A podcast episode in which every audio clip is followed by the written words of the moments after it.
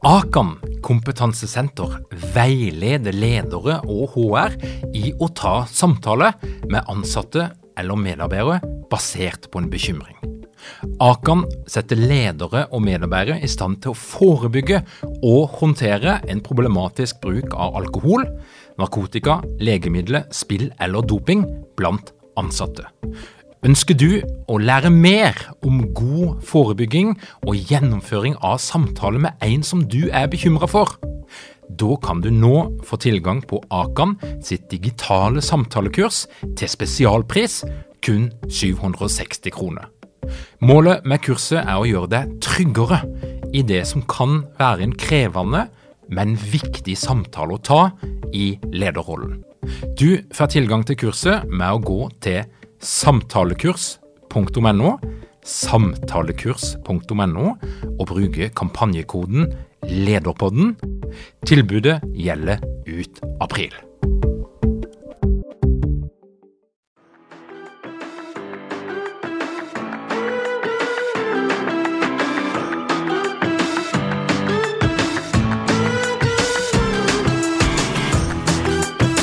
Velkommen til Lederpodden. Mitt navn er Tor Åge Eikerapen. Jeg jobber som organisasjonspsykolog, og dette her er en podkast om ledelse. Og nå snakker vi sommerspesial. Under den verste nedstengninga så var det mange av oss som følte at vi var en del av en revolusjon innen læring i organisasjoner. Alle snakka om viktigheten av læring, alle skulle lage webinarer og podkaster, og vi trodde at framtida innen læring og utvikling aldri ville bli som i 2019 igjen.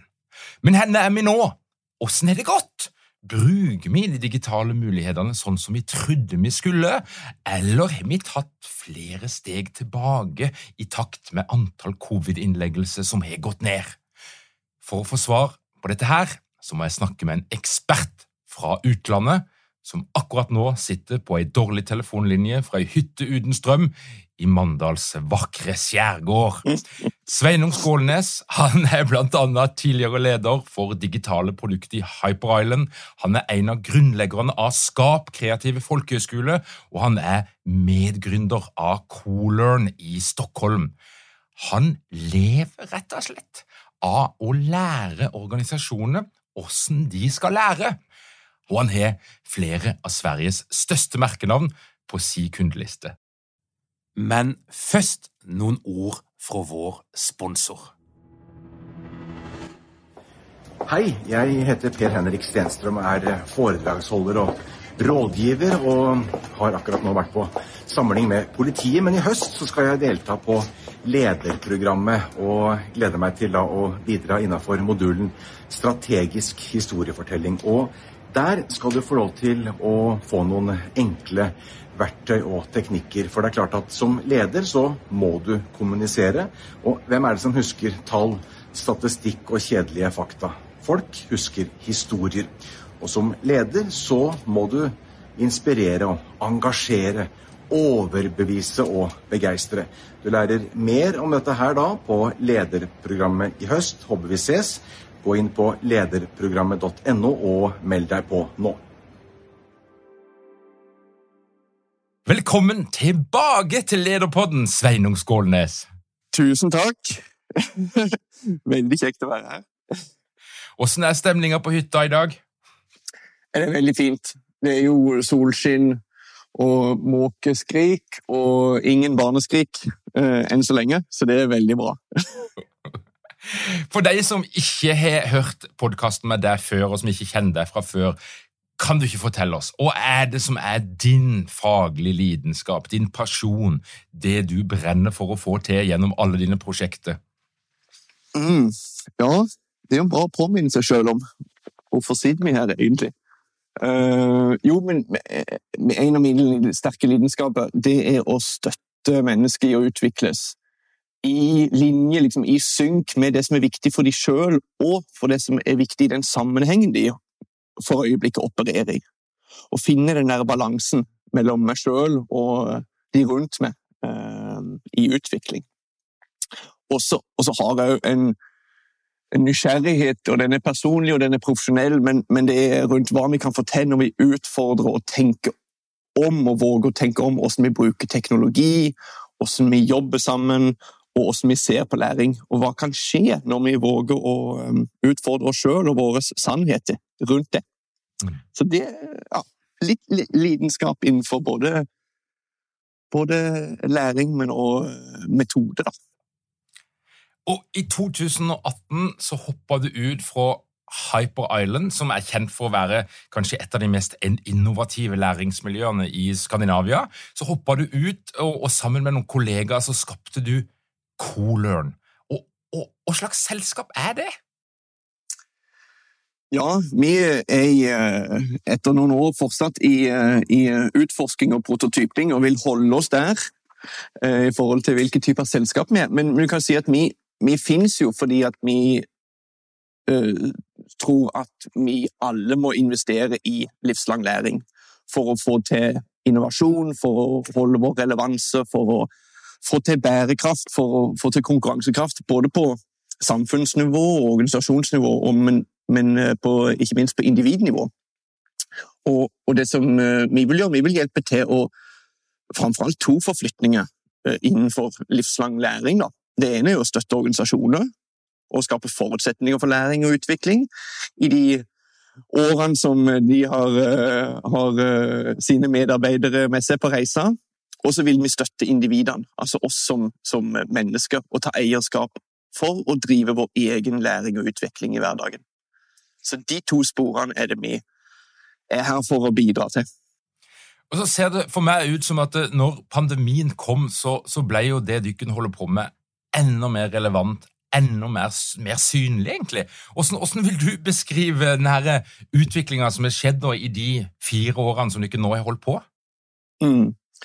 Men eh, det var jo eh, Vi kjente jo på det. At så der, Oi, nå ble vi plutselig relevante.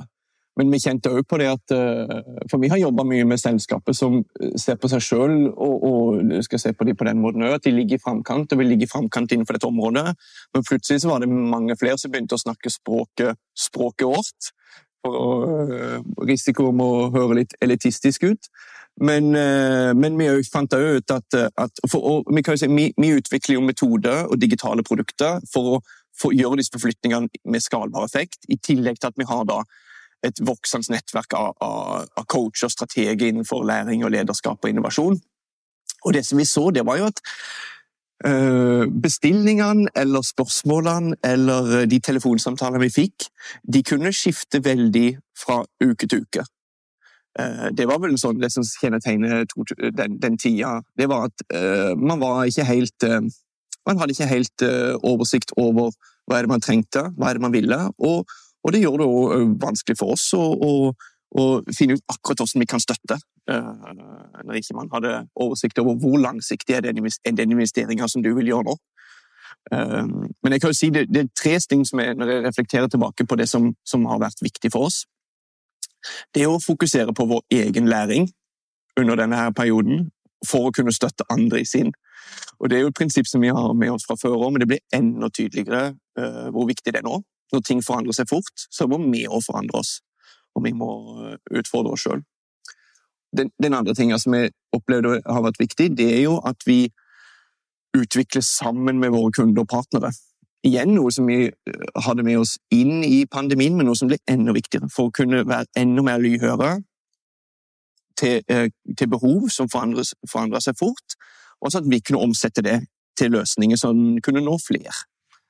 Um, og så, så vi, var det jo noe med at når, eh, når, den generelle, man kaller den digitale modenhetsgraden, eller, eh, eller nivået økte, når flere kom seg på banen når det kom til digitalisering og digitalisering av arbeidsmåte og, læring, så stilte jo vi oss spørsmålet med oss ok, når så mange selskaper begynner å komme på banen, og vi skal jobbe med de som er, vil ligge i framkant, hva, hva, blir neste horisont for oss, da? Når vi òg må ta steg framover. Ehm, ja, så det er jo de spørsmålene vi har jobba med. Hva er det som er hovedforskjellen på Kolørn anno 2018 og det Kolørn som du nå tok sommerferie fra i 2022? Mm. Jeg tror at vi har kommet oss nærmere individene, altså de som vi faktisk skal støtte. De som eh, er menneskene bak organisasjonen. Det vil si eh, de som vi faktisk skal støtte i å gjøre en eh, atferdsforandring, en forandring i vane. Og at vi har fokusert på å bredde oss fra å være kanskje et konsultselskap med konsulentselskap til å ville ta et større ansvar for løsningene med å da utvikle digitale produkter som kan være mer skalbare. Så der vi tar større ansvar egentlig for, for opplevelsen enn vi gjorde tidligere. Så vi har steppa opp, vi òg, de siste to og et halvt årene. Mm. Du, du, jobber jo med mange store svenske organisasjoner. En del av de er multinasjonale, altså organisasjoner med stor kapasitet, forhåpentligvis en god infrastruktur. Eh, og det er jo ikke alle små og mellomstore virksomheter som, som har de ressursene, men, men, kan du, uavhengig av størrelse, kan du, kan du si noe om hva er det som kjennetegner en lærende organisasjon i dag? Mm. Ja, jeg holder med at det er, det er ikke alltid Om man er så liten, øh, og vi er jo små, så er det ikke alltid man er i gang ser på seg selv som en organisasjon. Man er kanskje bare en gjeng eller noen personer. Men, men jeg tror det, om du kaller det lærerorganisasjon eller lærende team eller lærende ja, system, så handler det jo om å, at man anpasser seg og utvikles kontinuerlig i takt med forandring, egentlig. Uh, og det, det, det, handler i praktikken om de tankesettene og, og, de handlingsmønstrene og de vanene som lever i den kulturen og i prosessene våre. Og, og når det kommer til det som er betegnet som en lærerorganisasjon, så er det ting, ting, som man ofte ser da, det at vi oppmuntrer hverandre til å våge å eksperimentere og kanskje ta på litt risiko. Vi deler med oss kunnskap og, og støtter hverandre. Vi, eh, vi, berømmer hverandre når vi, anser, når vi, ser at vi anstrenger oss sjøl, og når vi vil utvikles. Vi løfter opp det. Vi har en åpenhet rundt, eh, ja, rundt feiling og, og den læringa som kommer med det. og vi, vi viser tillit til hverandre, og vi leter etter å løfte fram muligheter for læring og utvikling. Um, og det er jo sånn, det, det, høres, ja, men det er jo godt og vel, og det høres jo bra ut, og det er ingen som egentlig vil si seg imot det. Men, men det, av og til så kan det være bra å se på hva er det, det motsatte, da.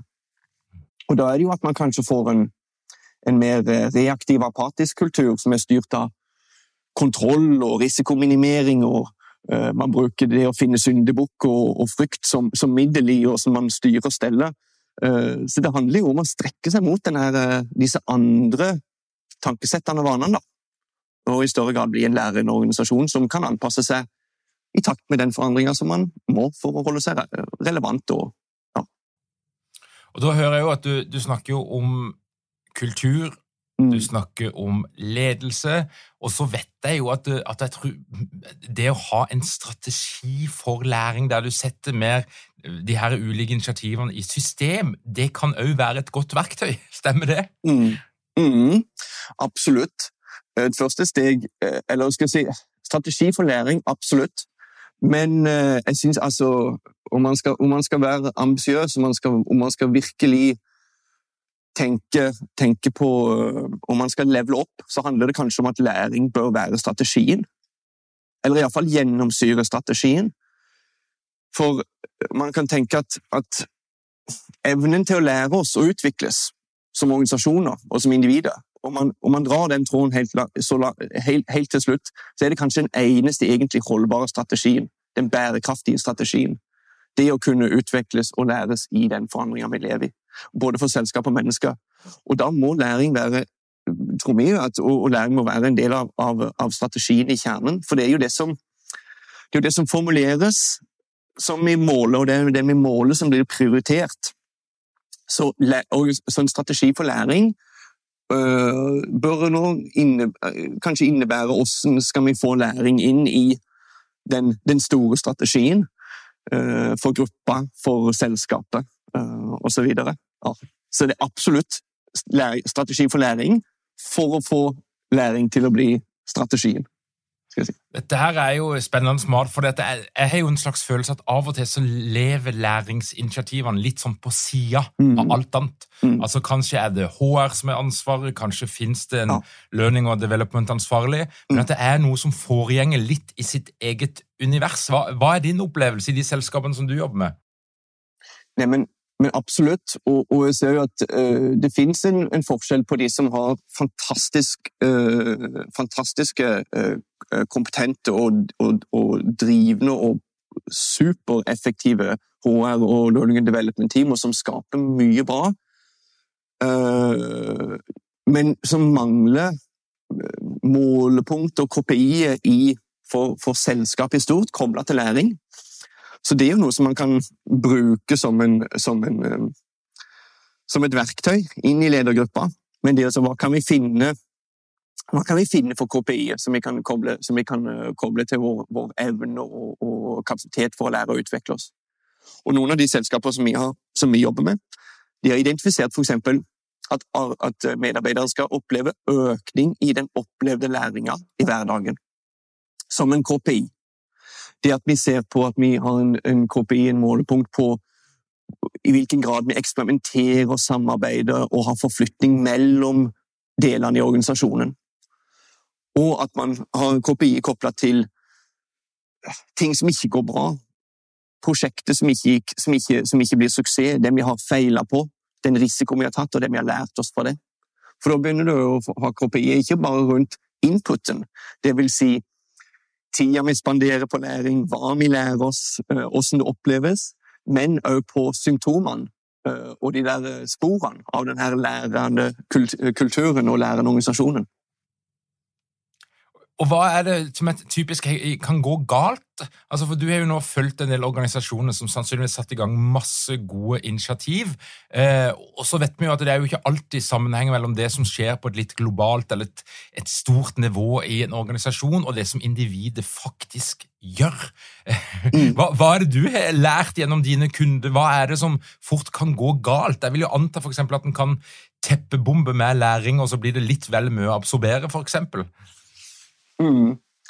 Nei, og det har jo, jeg synes det er et kjempebra poeng, for det har jo vært en av de tingene som Og ofte de som har kanskje hatt dårlige opplevelser av digital læring før pandemien og under pandemien, det har jo vært at det er blitt totalt overvelda og overveldiga av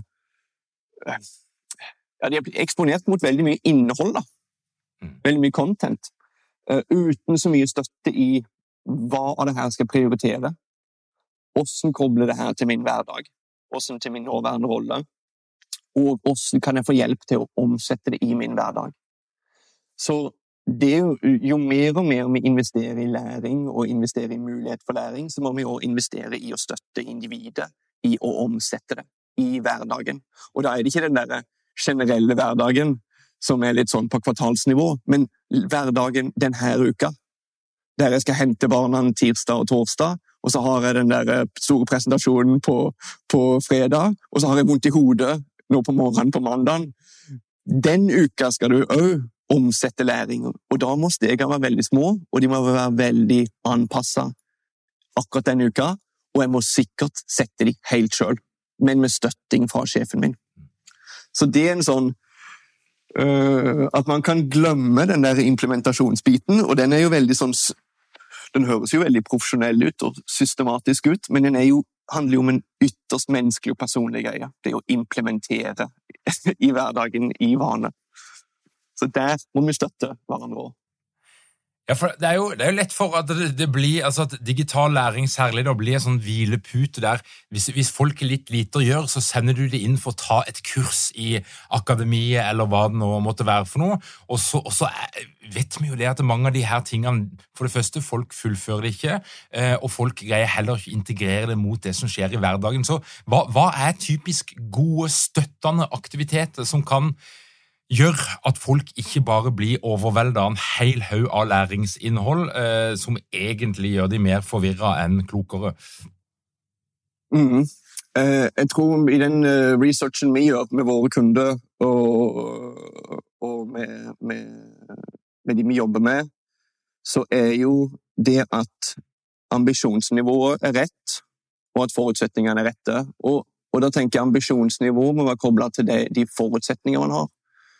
Um, og det som kommer opp gang på gang, og det kan du se på alle forskningsrapporter til alle de store, kjente selskapene nå, ikke bare det som vi ser med våre kunder, men det er jo at tid oppleves og uttrykkes som uh, den største barrieren for uh, å lære.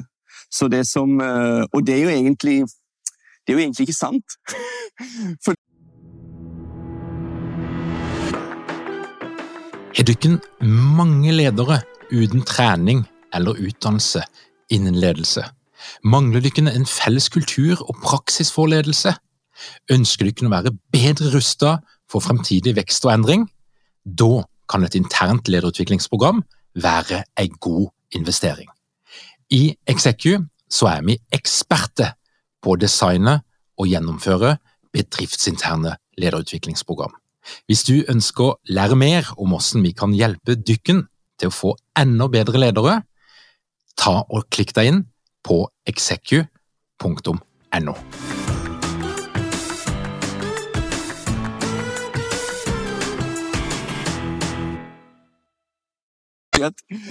Tid, den, den, Vi har en viss antall tid eh, på, på, på, jobben.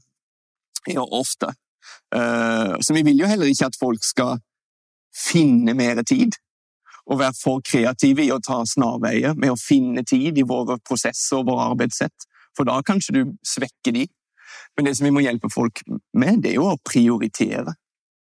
Og der kommer jo lederen inn, da, på, på, på, på det hva kan man gjøre som, som leder òg. Eh, så det å hjelpe å prioritere i ting der læringa ikke blir noe som skal trykkes inn der det får plass, men noe som kan være mer sentralt, og som kan kan beskyttes litt, på samme måte som vi beskytter andre selskapskritiske aktiviteter. Endelig er vi klare. Påmeldinga til høstens utgave av lederprogrammet er nå åpna. Vi snakker om tolv uker, to fysiske samlinger, seks digitale ekspertmoduler og læringsgruppe der du møter andre ledere. Du blir inspirert, du får oppdatert kunnskap, praktiske verktøy og innsikt som forandrer. Lederprogrammet er for deg som vil være best mulig rustet til å møte og skape endring, som tør eksperimentere med ny atferd og nye metoder. Du kan melde deg på i dag på lederprogrammet.no.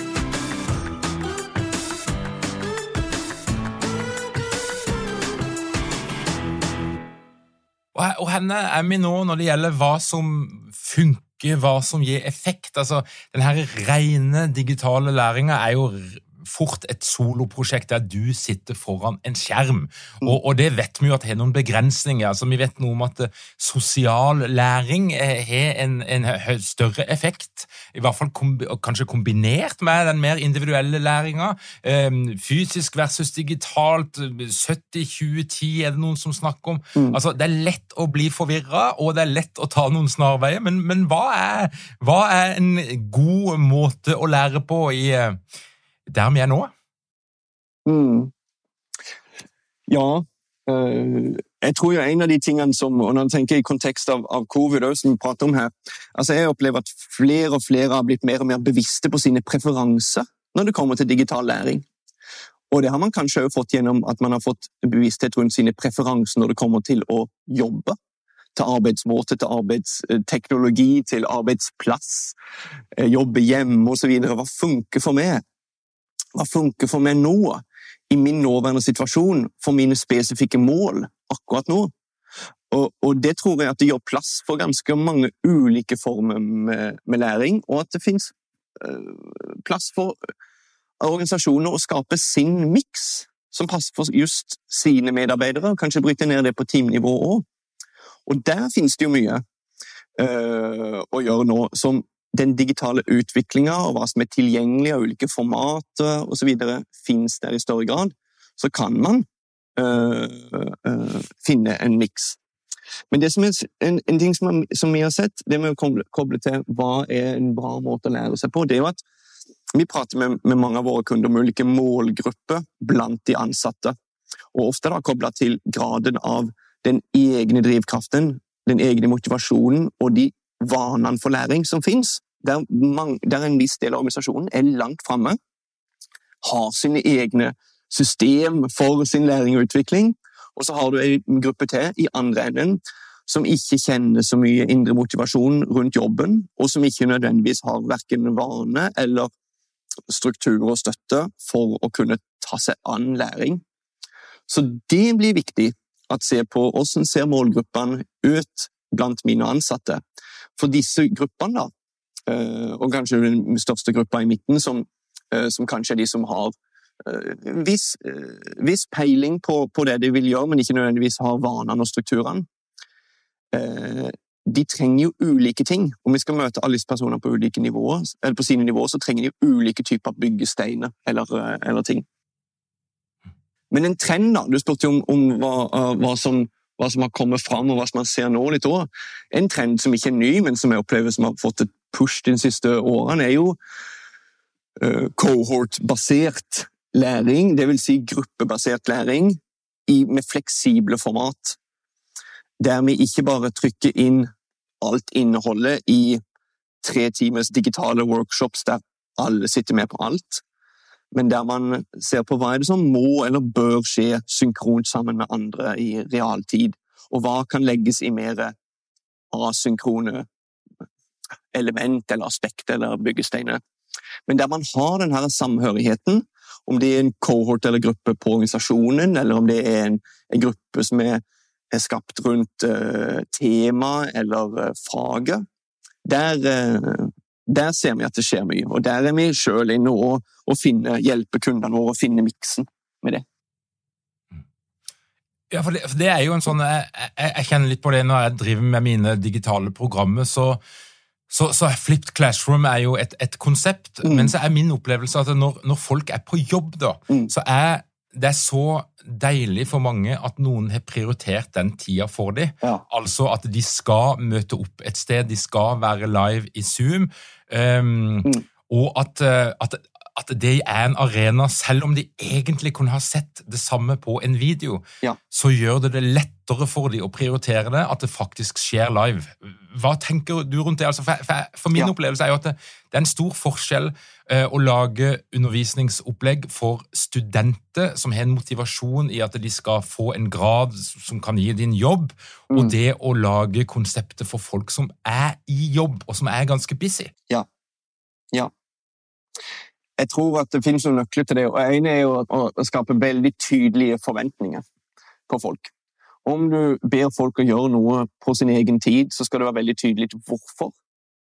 Eh, hva de kommer til å eh, kunne oppleve, hva de kommer til å oppleve, og hva de kommer til å eh, forventes kunne gjøre, eller, eller, eller kunne, eller, eller, skal teste etterpå. Og hjelpe de å sette det i et sammenheng. Men det som, det som, du, det som du, prater om, og det å, man kan oppleve at det lett hjelper, hjelper med prioritering, det er jo en, en absolutt Om man med risikoen med sånne her med frie deltakere bestemmer sjøl, det er jo at det krever mye mer selvdisiplin og egentlig Hva heter det for noe, da? Altså kraft til å stå imot. Mm. ting som kommer inn fra, fra sidelinja. Så det, det, å sette de tid, det å sette de fast i tid, men ikke nødvendigvis at det trenger å være en foreleser som er med uh, i den tida. For jeg tror jo at om man på, man ser på mye av det som uh, mange man, Det der som du sa, det er deilig om man kan komme og noen som er forberedt noe.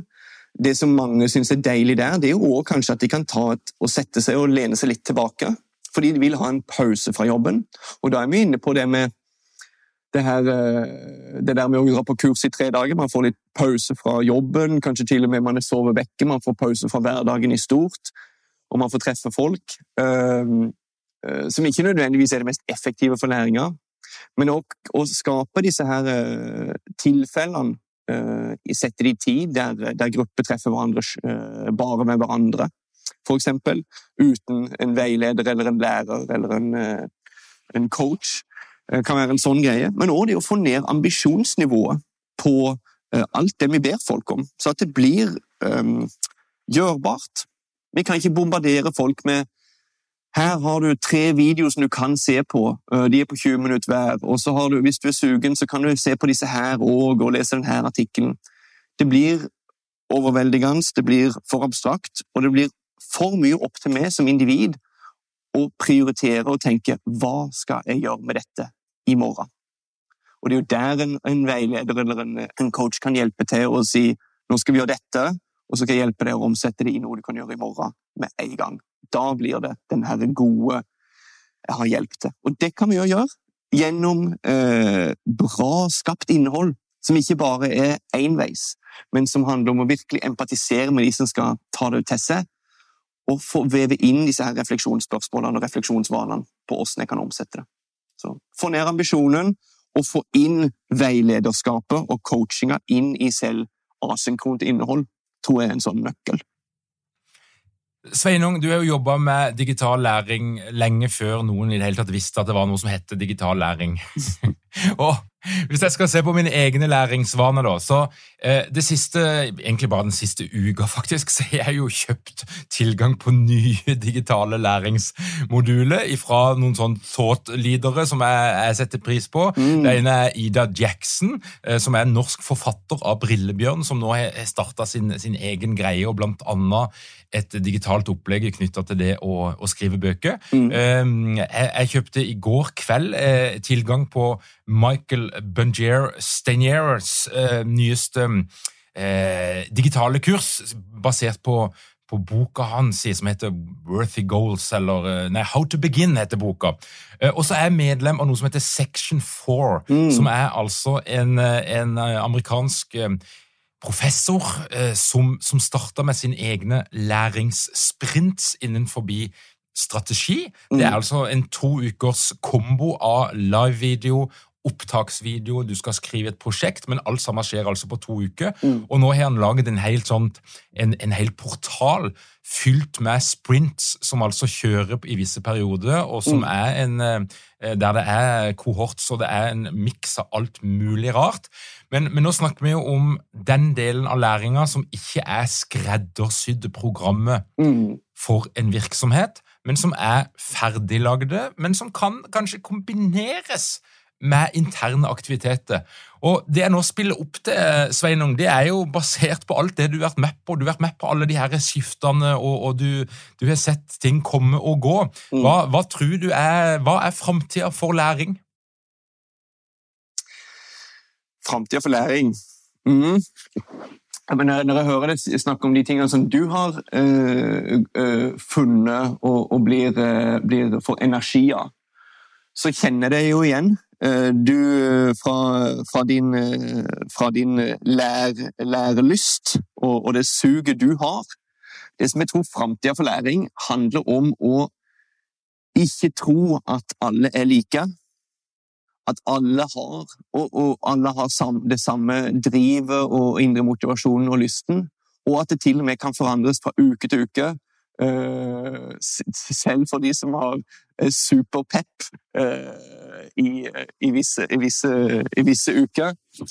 Så der handler det virkelig om, tror jeg, å få til en, eh, en fleksibilitet og en mulighet for personifisering som handler om virkelig eh, handler om eh, å knytte til hvorfor sitter jeg her som individ og skal gjøre dette? Hva er det som får meg til å ville gjøre det? Hva er det som får meg til å gjøre det hvis det er til og med ting som jeg ikke har valgt sjøl? Og virkelig knytte an til det. Så jeg tror framtida for læring handler mindre om læring og handler mer om forandring. Og handler mer om det det faktisk skal resultere i for, eh, for organisasjonen og for individet. For i sånn her eh, I denne siste tida så har vi jo eh, fått, og det er ikke bare covid, det er før det år, vi har fått en eksplosjon, som du sier, i tilgjengelighet på innhold og på læremuligheter. Men da krever det jo at vi er enda bedre som læringsdesignere, som fasilitatorer eller som coacher, med å hjelpe folk i å virkelig sette spørsmålstegnet og vente til de har funnet svaret på hvorfor gjør jeg dette, og hva forventes forventer jeg, og hva forventer jeg å gjøre med etterpå. Så det er kanskje en, en, måte å komme ikke rundt spørsmålet ditt på, men det, jeg tror jo at framtida på en måte i, av læring ikke, er, ikke bare er læring. Og så er det jo da en, en, business, det er en milliardindustri. altså Det å selge online-programmer av ulikt slag. Ja. Vi har Kajabi, som mange kjenner, som, som, da er en plattform der hvem som helst kan lage sitt eget videokurs, og, og, og de her eh, ekstremt eh, litt sånn eh, innpåslitne e-postfunnelsene som, som, jeg trodde kanskje kom til å slutte, men som, som mange fortsetter med fordi det fungerer. altså mm. Individet som lager sitt eget læringsunivers. I tillegg til ja. massevis av store kommersielle aktører som også tilbyr mer tradisjonell utdannelse, studiepoeng, men, men, digitalt. Der det ligger masse penger fordi du kan skalere det så utrolig enkelt og bare putte på flere folk uten å ansette flere uh, lærere. Men, mm. men, men vi, er det noen i denne industrien som du tenker vil dø ut? Uh, eller har alle livets rett hvis de er flinke nok? Ja, jeg tror at de som ikke smaker sin egen kake, holdt på å si Det finnes ikke noe bra uttrykk, det der med å prøve på seg sjøl jeg tror det er en, en, suksessfaktor for hvis du skal jobbe innenfor uh, learning and development som leder i seg selv og skal tilby og støtte folk i læring. Du må prøve på dine egne metoder. For på papiret så er det veldig mye som funker, og i en, en ideell virkelig, virkelighet der hverdagen er den der abstrakte neste kvartalet, så, så, kan, så kan veldig mye funke. Men så skjer livet, og så skjer hverdagen, og så, og så, skjer disse her konflikterende prioriteringene.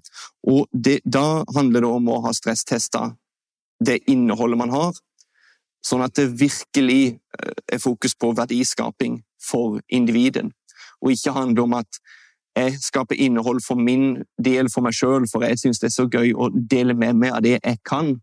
Men at jeg virkelig empatiserer med mine brukere, mine learners, mine mottakere og, og, og, teste dette på meg sjøl. Er dette noe som er verdt å legge tid på? Er det noe som skaper verdi? Og om jeg kan gjøre noe bedre, hva er det da jeg kan utfordre med min egen pedagogikk og med min eget inngangssett til å skape læring?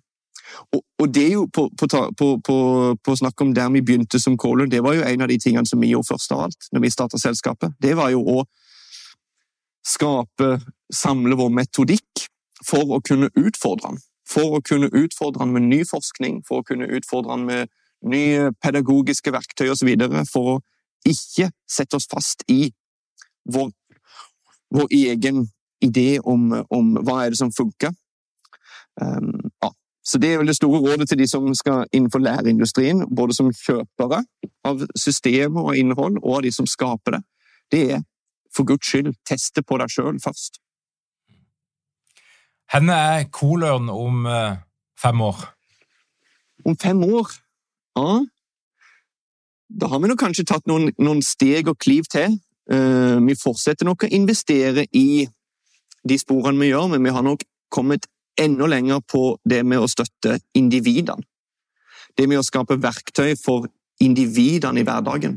I denne faktiske hverdagen, der vi kan støtte folk i å bryte ned sine opplevelser og refleksjoner i, i, i biter, og, og, som gjør at de kan sette steg for hvordan de kan ta sine mål. Så vi, vi går nå mer og mer mot å støtte folk i forandring. Og det å, å, å, hjelpe til med at individene skal kjenne at det er sin utvikling de er med på. Der er vi nå. Jeg gleder meg til å følge ferden videre, Sveinung. Og jeg har lyst til, når du er tilbake inn i Stockholm, så må vi ha en liten prat om, om hvordan vi kan gjøre våre læringsinitiativ enda bedre. Men du må få lov til å komme deg i Dyreparken først. Tusen takk for at du tok deg tida i ferien, og så håper jeg du får noen deilige dager på eh, Sørlandet og virkelig får kobla av, eh, og at den læringa som nå skal foregå, det er på et eh, helt annet plan. Ja, nå blir det tid for refleksjon. Eh, det er deilig når hverdagen eh, brytes opp litt med, med, med nye ting. Da får man, får man, dytte inn og designe om, så det ser jeg fram til. Tusen takk, Sveinung, og lykke til med alt som du holder på med. Takk for det. Til deg som hører på Lederpodden, hvis du vil få med deg alt vi driver på med i vårt leder- og læringsunivers, da kommer du deg inn på lederpodden.no. Trykk på den rette knappen. Legg igjen din e-postadresse, og du får vårt nyhetsbrev, som ja, stort sett kommer hver eneste fredag. Takk for at du hører på Lederpodden. Jeg håper du har en deilig sommer. Vi høres igjen om ei uke.